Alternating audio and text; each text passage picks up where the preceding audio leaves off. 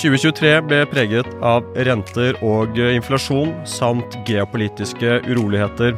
Vi går inn i 2024 hvor en del av det som preget fjoråret, blir med oss videre. Hva er de viktigste driverne for året, og hvordan tror vi 2024 blir? Velkommen til Tett på markedet, en podkast av Odin forvaltning.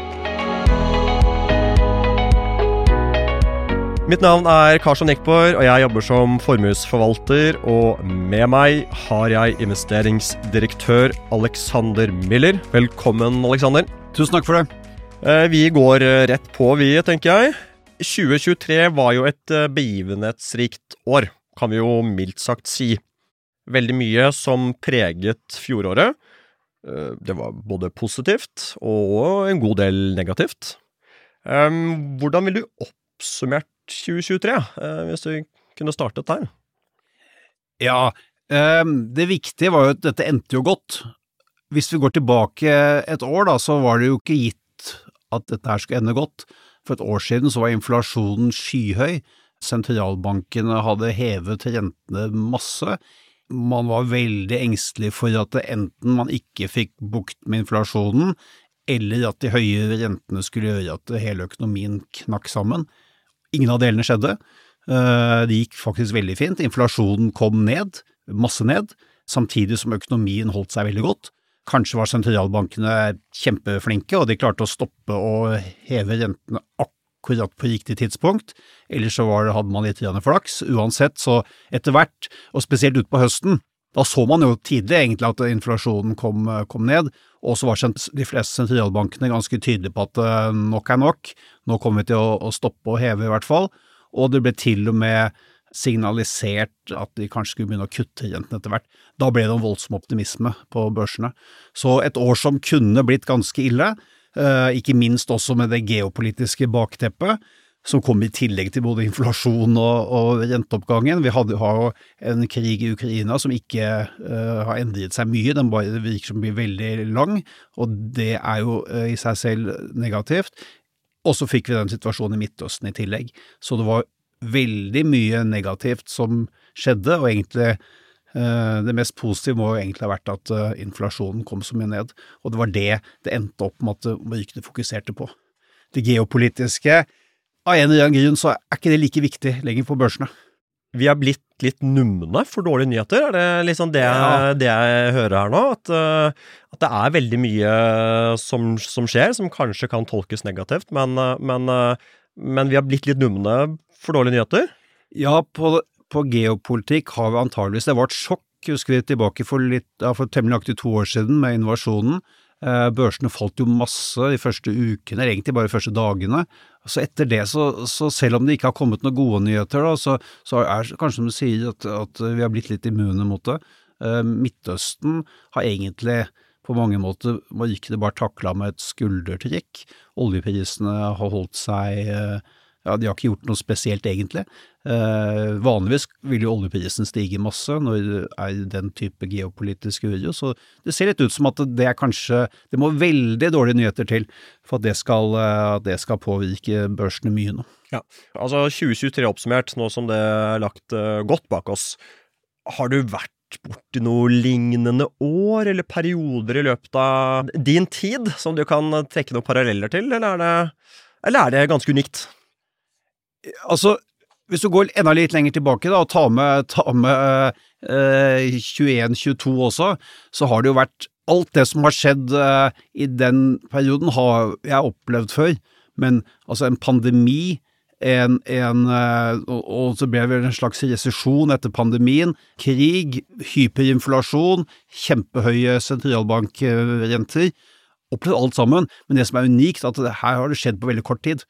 I løpet av to og et halvt år så har vi opplevd alt sammen, og det er helt, eh, helt spesielt. Og jeg må jo si, hvis du, hvis du hadde spolt tiden tilbake til pandemien, da, og ramset opp alt det som har skjedd både under pandemien og etterpå, og allikevel så er børsene vesentlig høyere nå enn ved inngangen til pandemien, det er ikke helt opplagt. nei, nei det, vi, får, eh, vi, får, ta på oss de, de, lange brillene. Det er god oppsummering av, eh, av fjoråret. Um, vi går jo over på inneværende år, og litt det som kommer til å være tematikken, og, og kanskje viktigste eh, driverne for, eh, for, dette året. Da har vi jo lagt bak oss eh, allerede den, den, den, første måneden. Relativt mye som har skjedd allerede. Det var jo en eufori som preget store deler av ja, sluttspurten av, av fjoråret. Den har kanskje lagt seg litt. Litt mer nervøse børser. Rentene skal kanskje ikke like kjapt ned som man så for seg. Um, hva, hva, tenker du blir de viktigste driverne for, for, inneværende år? Altså Det er jo en del å ta tak i, men hvis du prøver å holde det, holde det kort Ja, det er det, da. Uh, det viktigste er nok uh, det som preget slutten av, eller egentlig hele 2023. Da. Det er den kampen mellom økonomisk vekst og hva som skjer med sentralbankene. Jeg tror det blir nøkkelen i år, år også. Forskjellen for et år siden var at nå forventer jo alle at rentene skal kuttes, og det var derfor børsene gikk så mye i fjor høst. For det var en lettelse. Ikke bare skal man stoppe å heve, men nå kommer de ned, ned igjen, og det, er, og, og det, er, vanligvis veldig bra for alt som har med risiko og appetitt å gjøre, at rentene blir lavere. Det som skjer nå, det er litt som du er inne på, uh, og, og, at det kommer kanskje ikke så fort ned, rentene. Det var intervju med sentralbanksjefen i USA for noen uker siden, og han hadde jo ingen som helst hast med å begynne å kutte. Ja, Det har jo vært snakk om at det første kuttet kunne komme allerede i mars, ja, i hvert fall i USA. Fed har vært veldig uklare på det, uh, ut ifra det man leser og det man har hørt. Så, så, så, markedet har blitt litt lunkne nå for, det, for, dette kuttet som man antok kom allerede første kvartal? Ja, definitivt. Og jeg vil ikke si de var uklare engang. De var veldig tydelige på at det ikke ble noe kutt i mars. og da på en måte eh, Det er litt sånn når, når du venter på at noe skal skje, og så skjer det ikke. Da begynner tiden å tikke litt imot deg. Uh, og nå har man måtte avskrevet at uh, det kommer noe særlig kutt i mars, og da er det ja, en fjerdedel av året allerede gått, så man må kanskje justere forventningene litt med at eh, ja, eh, rentene kommer ned, det er jeg temmelig sikker på, men om det blir på denne siden av sommeren, og hvor mye, eh, det er jeg ikke like sikker på. Så blir det veldig spennende hvor, hvor sensitiv børsen er til akkurat det. Ja, altså, vi, tol, altså det, det, jeg hører, da, det er at ok, geopolitikken det, det har smittet over inn i dette året også. Eh, sentralbankene, altså renter og inflasjon, det vil fortsatt prege dette året på en litt annen måte enn en fjoråret. Da var det jo aggressiv eh, politikk eh, på vei opp, og nå er det jo snakk om kutt. Men hvis vi skal prøve å ta tak i noe, noe som kanskje er um, nytt for året um, Det er jo valg i USA uh, i år. Har du noen, noen, korte tanker rundt det? Altså Trump versus Biden, er det noe Hvordan vil markedet agere på Trump 2? Ja, og det jo, går litt inn i det geopolitiske. ikke sant? Valget i USA har vanvittig stor betydning, spesielt da for uh, den geopolitiske situasjonen. Og er som du er inne på, Trump 2, uh, eh, hvis det blir samme versjon som Trump 1, så er det ikke eh, så veldig mye å engste seg over, antageligvis. Eh, det er det ingenting som tyder på at eh, Nato-engasjementet og, og, den politikken blir noe særlig endringer på. Usikkerheten ligger jo at ingen som helt vet hva Trump 2 eventuelt kommer til å stå for, og det har kommet noen signaler som kanskje ikke er veldig beroligende for aksjemarkedet dette med diktator for en dag og de tingene her sånn, det, det er ikke noe børsene nødvendigvis er veldig glad i. Så det er, det er nok eh, en av de store usikkerhetene. Um, og så er det klart at uh, geopolitikk vil spille en stor rolle. Ser du på børsene, og spesielt kanskje på oljemarkedet, så er på en måte konsensus og den allmenne oppfatning er vel at dette ikke kommer til å utvikle seg veldig negativt, men det er, det er betydelig risiko. Midtøsten spesielt, det er jo et uh... Det er jo mye som skjer der. Det er mye som skjer der nå, og det, vi jo, det kan vi sikkert prate om masse fremover òg, ja. eh, i enkeltepisoder. Vi har jo vi har Israel, Gaza, det blir innblanding muligens fra land i, i området, ikke sant. Jemen er involvert på et eller annet vis, Iran kan bli involvert, Pakistan kan bli involvert. Så, så det er en, en, veldig sånn eh, kompleks uh, situasjon der nede. Og, og, det virker som vi rett og slett vi, vi, får det med oss, men at vi har blitt litt sånn Ja, for å gjenta meg selv, da, men, men, at vi har blitt litt sånn numne på det som skjer der nede. Mm. Men det er klart, spesielt med olje, når du da har de aller største oljeeksportørene på hele kloden, og delvis største oljeprodusentene, som er enten direkte involvert eller på kanten av å bli involvert, enten direkte eller indirekte i en krig, så kan det få ganske store konsekvenser. da. Nei, men uh, det får vi bare Vi får bare se hvordan året går. Vi er jo all, bare en måned inn i 2024. Uh, eh, mye mer vi kunne snakket om her, men jeg tenker at vi, vi oppsummerer med det at vi, det er mye som blir med videre. Uh, mye de samme driverne. Jokeren blir kanskje sentralbankene, om de går fra å være helter til, til syndere. Uh, syndebukker, for så vidt. og dette valget som vi har i, som blir avgjørende for dette året. Og hvis vi skal prøve å komme med et syn eller noen tanker, da, nå har vi jo driverne på plass, vi vet hva som kommer til å prege året, eh, men, men hva tenker vi blir eh, Hvordan ser det ut i desember? Når vi, når vi, sitter her neste år og ser tilbake på 2024, hva, hva, hva ser du for deg vi kommer til å sitte og, og prate om da? Eh, du, du, skrev en kommentar for, forleden. Den gode, den onde og den grusomme. Hvordan kan det ha seg at denne westernfilmen fra 60-tallet kan gi oss et bilde på hvordan vi tror 2024 blir? Ja, altså, jeg tenker som så at det mest sannsynlige utfallet, og det vi på en måte tror på, det er at dette kommer til å gå godt. Som jeg sa, det gode kommer til å vinne.